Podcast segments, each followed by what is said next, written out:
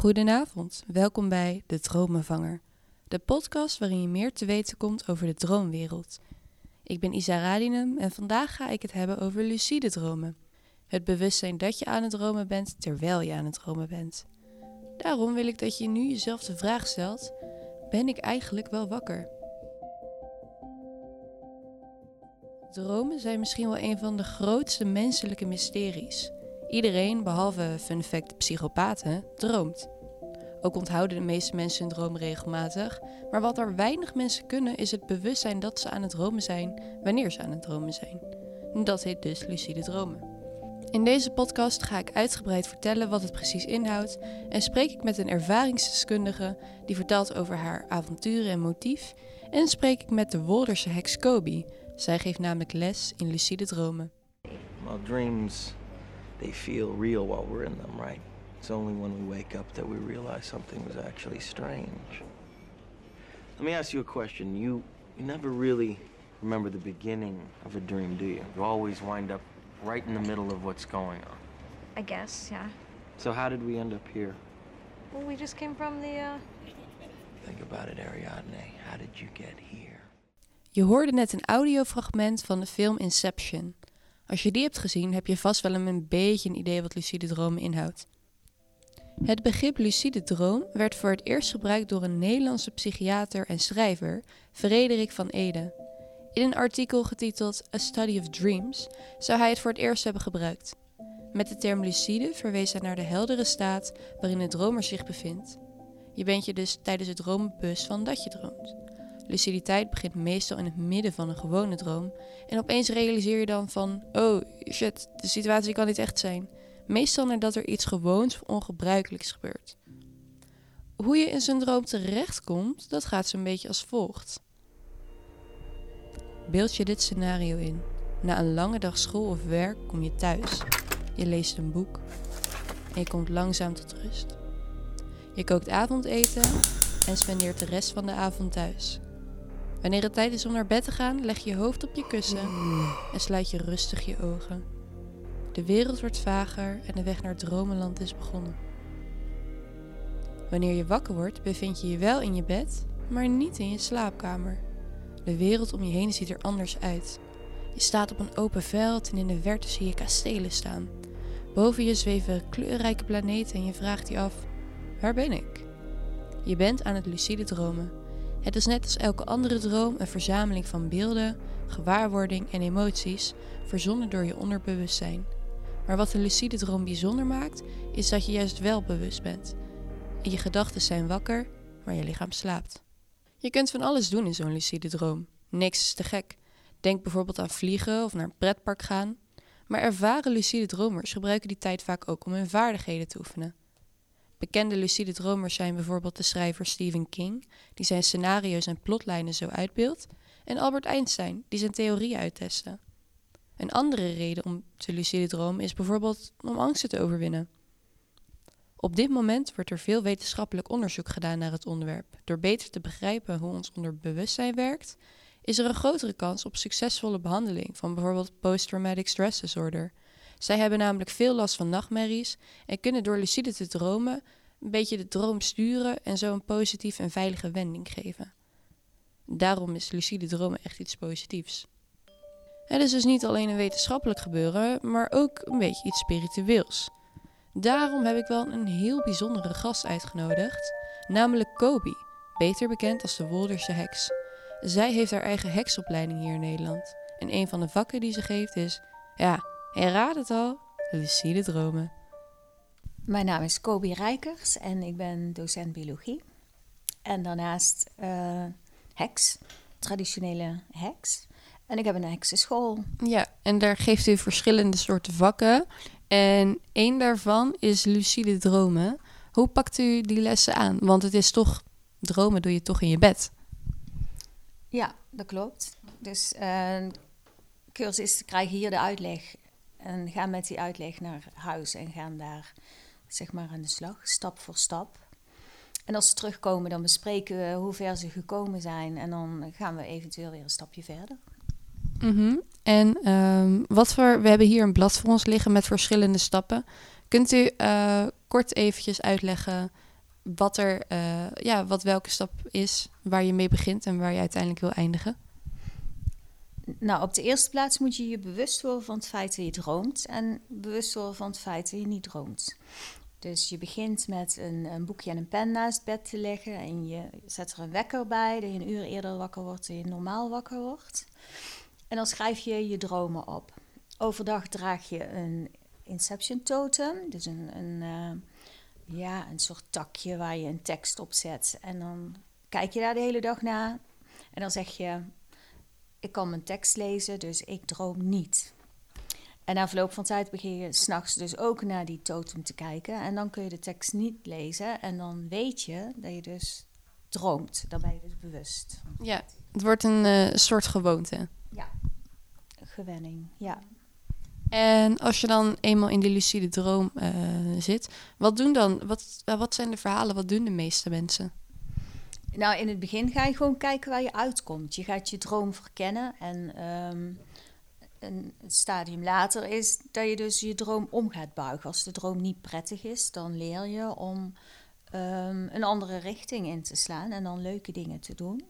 En uiteindelijk ons doel is om elkaar te ontmoeten mm -hmm. bij een speciale plek. En die speciale plek waar Kobe het over heeft, is een boom. Het is het doel om samen af te spreken: hey, gaan we vannacht lucide dromen en laten we kijken of we elkaar kunnen tegenkomen. Je kunt elkaar natuurlijk niet letterlijk opzoeken, maar je kunt wel een teken van leven geven. In een voorgesprek voor dit interview vertelde ze hoe ze laatst gefluit hoorde. Dat is van een van haar studenten geweest, omdat ze op haar Inception totem, die soort ketting, een vogel staat. Heel bijzonder dus. Daarom wist ze dat zij het was. Wat is uw motief als u uh, lucide droomt? Als ik zelf lucide droom, dan uh, reis ik graag naar Engeland. En uh, dan vind ik het heel leuk om uh, een oude heks te ontmoeten, die al heel lang dood is. Maar en ook informatie te verzamelen als ik ergens op vastloop. Ja, want waarom is Engeland zo'n ja, belangrijke plek voor u? Ja, Engeland is het, is het land van, van de heksen. Daar is heel veel bewaard gebleven. De Engelsen die uh, conserveren alles en hebben uh, een prachtig museum met uh, heel veel informatie en boeken op het gebied van hekserij. En in de Universiteit van Oxford heb je een museum Pitt Rivers. En daar is ook enorm veel te zien en te leren. Dus ja, daarom ga ik naar Engeland in principe wordt er gezegd dat iedereen kan lucide dromen. Maar heeft u dus ook wel eens verhalen gehoord van mensen die dan na een tijdje oefenen niet succesvol zijn? Ja, die zijn er ook. Maar meestal zit hem daar wel in het feit dat ze het niet volhouden. Dus ze volgen het stappenplan niet. Ze willen te snel uh, hun droom sturen. En dan, ja, en als je het een tijdje niet doet, dan, uh, dan lukt het ook vaak niet meer. Dus je moet wel echt een jaar of zo ervoor trekken en dan langzaamaan beginnen in de vakantie, waar, waarbij je alle tijd en rust hebt. Want in, uh, in de dagelijkse stress dan gaat het niet lukken om, uh, om dat toe te passen. Je hoorde de Wolderse heks Kobi. Om nog even verder te gaan in het spirituele gedeelte, gaan we over naar een onderzoek. Een Duits onderzoek uit 2009 geleid door dokter Ursula Vos. Er staat namelijk een interessante ondervinding in. Zij heeft vastgesteld dat typische dromen zich in het theta-bereik plaatsvinden. Dat is 4 tot 7 hertz. Terwijl ons waakbewustzijn in het beta-bereik ligt. Dat is 16 tot 31 hertz. Tijdens lucide dromen waren de hersengolven van 6 testpersonen in het bereik van 40 hertz. Dat is het gamma-bereik en dus ook veel hoger dan ja, je bewustzijn dan dat je wakker bent. Heel apart. Tijdens een lucide droom hebben we dus een hogere bewustzijnbeleving dan een wakkere realiteit. Een andere buitengewone ontdekking is, ja, dit is misschien lastig, dus hou je gedachten er even bij, is dat er, uh, er was een verhoogde activiteit in de frontale en frontlatare hoofdgebieden van de hersenen. En dit werd beschouwd als een andere hogere mentale functie die geassocieerd wordt met het hogere bewustzijn. En dat is dus de reden waarom lucide dromen extra intens aanvoelen. Het is net alsof je overschakelt van 360 pixels opeens naar 4K kwaliteit. Er zijn ook ontelbare verschillende sensaties en percepties die kunnen voorkomen, voorkomen in de lucide droom. En daarbij moet je wel in gedachten houden dat ja, elke droom is anders. En ja, de ene keer is het ook intenser dan de ander. Het niveau waarop je lucide droomt hangt ook af van je ervaring. Wie veel ervaring heeft is Luna van der Knaap. Wanneer ik bij haar een kopje thee kom drinken, vertelt de 21-jarige dromer over haar lucide avonturen. Heb je vannacht toevallig lucide gedroomd? Nee, ik heb vannacht niet lucide gedroomd. Het komt ook echt maar af en toe voor. En ik heb het dan niet eh, dat ik het van tevoren weet wanneer het gaat gebeuren. Je plant het dus niet. En hoe vaak gebeurt het ongeveer, zou je zeggen? Ehm, ja, ik denk, ik denk wel twee keer in de week. En meestal gebeurt het ook als ik eh, tussen de middag ga slapen. Want ik heb, door mijn gezondheid moet ik gewoon soms vaak even rust nemen. En als ik dan ga slapen tussen de middag, of ga proberen te slapen, dan kom ik een beetje in die stand van half-half. En op de een of andere manier is het dan makkelijker of zo. Om er doorheen te glippen. En ehm, wat, wat, wat gebeurt er dan? Je wordt wakker in zo'n lucide droom. En wat is dan meestal je eerste gedachte? Uh, nou, meestal begint het als een normale droom. Uh, want het kost even tijd om een soort van bewust te zijn dat het echt een droom is. En uh, ja, dan is de omgeving bijvoorbeeld kan ik ook niet bepalen of iets. Ik word dan gewoon wakker op een bepaalde plek. En uh, meestal realiseer ik me als ik gewoon heel graag wil dat er iets gebeurt. Dat ik dan denk van, hé, hey, waarom wil ik dat dit gebeurt? En dan denk ik, oh, volgens mij zit ik nu in een droom, ben ik me weer eens bewust. En het klinkt ook echt heel raar, maar meestal uh, kan ik dan vooral mensen om me heen beïnvloeden. Klinkt heel eng en creepy, maar bijvoorbeeld als ik gewoon graag een bepaald gesprek wil voeren of zo, dan, dan ben ik beide kanten eigenlijk. Maar zo voelt het in zo'n droom niet. Het voelt heel natuurlijk, alsof je dus inderdaad gewoon tegen een vreemd iemand praat of iemand die je kent. Ja. Oh, dat is apart. Is het dan ook niet dat je echt heel powerful voelt? Ja, op zich wel. Het ligt ook inderdaad aan wat voor scenery het is. Want soms uh, Weet je, dan ben je overdag bijvoorbeeld gefrustreerd geweest of zo. En dan neem je dat mee in je slaap. En dan wil ik die frustratie er denk ik onbewust uitgooien. Dus dan heb ik zo'n gesprek met iemand die dan bijvoorbeeld heel lomp tegen mij doet. En dan kan ik gewoon even dat die frustratie eruit gooien en gewoon heel boos terugpraten zonder consequenties. Want ik ben me toch van bewust van het heeft geen invloed. Ja. en omdat het geen consequenties heeft, ben je ook wel eens dingen aan het oefenen in je droom of zo? Ja, ik vlieg best wel vaak. Niet dat ik dat echt oefen voor hier natuurlijk. Maar uh, ja, nee, ja, vliegen, dat vind ik gewoon echt geweldig. En dan kan, moet ik daar ook wel van bewust zijn. Dan ga ik me echt zo schaf zetten. Zo van, oké, okay, daar gaan we. En dan, dat vliegen voelt dan ook heel echt. Ik voel echt die wind. Ik voel gewoon... Je voelt alles alsof het echt is. En dat vind ik wel heel leuk aan dat soort dromen. Mm -hmm. En uh, wat is nou eigenlijk de gekste of het meest bijzondere lucide droom die je hebt gecreëerd of meegemaakt? Um, nou, dat is dan weer een heel ander verhaal. Ik droom boeken. Wat? Even terugspoelen.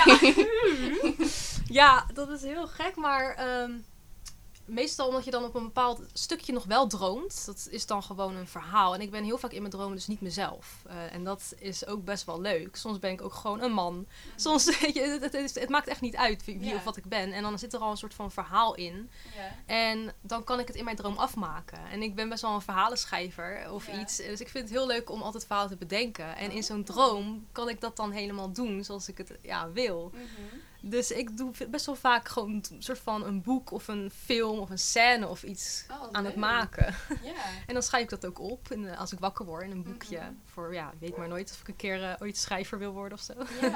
maar wat, om terug te komen op de vraag, wat is dan zo'n beetje de raarste ja, boekdroomscène die je hebt meegemaakt? Ik denk uh, dat dat dan de meest uitgebreide boek verhaal is. Want ik heb eigenlijk een, uh, een heel boek eigenlijk gewoon een soort van gedroomd in heel kort. En dan is het mm -hmm. als een soort van, hoe zeg je dat? Een uh, snel afgespeelde video. Oh, ja. Dus heb ik dat ervaren eigenlijk. Ja. En daar was ik ook begonnen met schrijven. Maar ik ben er toch wel achtergekomen dat ik wat minder een schrijfster ben dan dat ik een bedenker ben. En uh, dus ik, dat ging dan over een meisje. Ook gewoon op echt een, een, een wereld dat ja, ik nog nooit gezien of zo. Een beetje een koude sfeer. En dat meisje die was... Um, heel erg verbonden met de natuur. En die kon bloemen laten groeien en zo. En uh, zij was een beetje...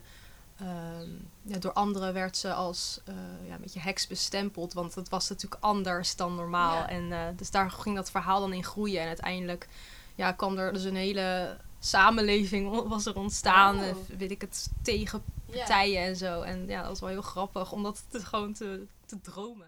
Hoe voelt het nou? Kun je gewoon alles waarnemen?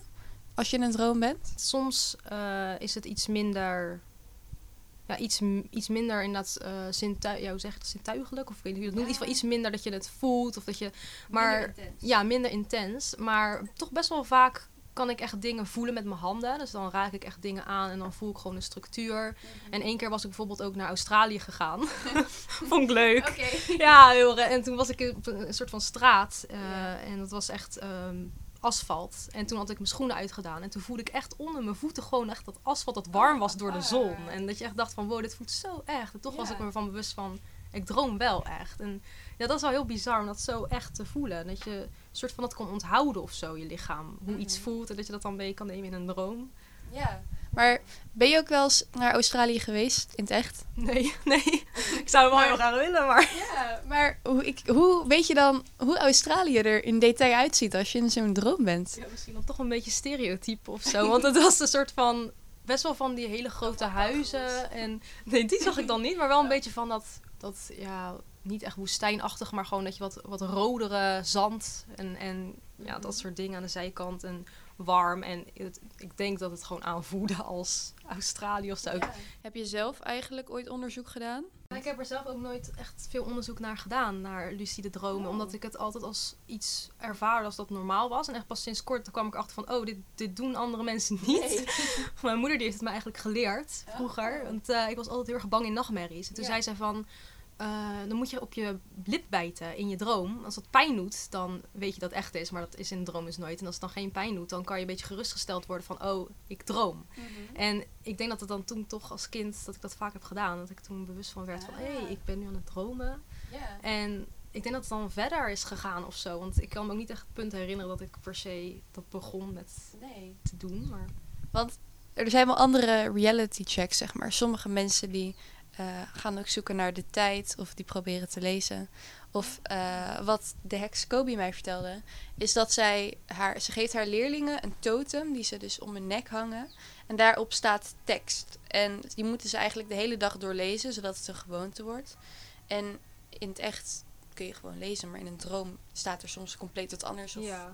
kun je niet, geen normaal woord. En dan weet je dus ook, ik ben aan het dromen. Oh, ja, maar bij jou is het dus je lip bijten. Ja! Oh, wat woord. Ja. Ja, ja, dat is ook wel logisch. Want ja, net zoals knijp me is het echt. Ja. Maar dan bijt op je lip is het echt. Ja, één keer in een droom had ik dat dus gedaan en toen ervaarde ik pijn. Oh. maar toen, op deze manier had ik toen toch wel iets van... Oké, okay, maar volgens mij ben ik wel alsnog aan het dromen. Dus ik weet niet wat voor gek, gek ja. twist dit is. Maar uh, misschien deed ik het allemaal in het echt of zo. Ik weet het niet. Maar het was wel, ja. was wel grappig. Met deze informatie in je achterhoofd is het nu tijd om wat tips te leren over lucide dromen. Als je hebt opgelet, is het misschien wel duidelijk geworden dat het niet in één keer kan, maar een proces is van maanden. Uh, daarom bespreek ik nu met jou in ieder geval wat tips zodat je je kan voorbereiden. Een van de tips is om een droomdagboek bij te houden. Schrijf als je net wakker wordt meteen alle informatie op van je droom. Wat is er gebeurd? Wat rook je? Wat zag je? Wat voelde je? Gebruik al je zintuigen en schrijf het zo gedetailleerd mogelijk op. Zo oefen je namelijk het onthouden van dromen, wat belangrijk is om de lucide dromen te leren. Een andere tip is reality checks. Daar had Kobe het ook al over. Kijk bijvoorbeeld naar een stuk tekst. Als alles nog goed en logisch is, dan ben je wakker, maar als je niet begrijpt wat er staat, dan slaap je. Of kijk naar de klok, kijk weg en kijk vervolgens nog eens naar de klok. Staat er wat anders? Ook dan is de kans heel groot dat je droomt. Uh, een andere tip is bijvoorbeeld om naar de lucht te kijken. Die ziet er anders uit. Je kan door muren heen lopen. Maar probeer dat natuurlijk niet in het echt. Zo zijn er heel veel verschillende reality checks die je kunt gebruiken. Met alle liefde zou ik je ook nog de methodes gaan uitleggen. Hoe je stap voor stap precies lucide kan dromen. Maar die kosten veel tijd en zijn redelijk ingewikkeld. Dus die gaan we in de volgende aflevering van de Dromenvanger behandelen. Voor nu wil ik je bedanken voor het luisteren en een hele goede nachtrust wensen. Tot volgende keer.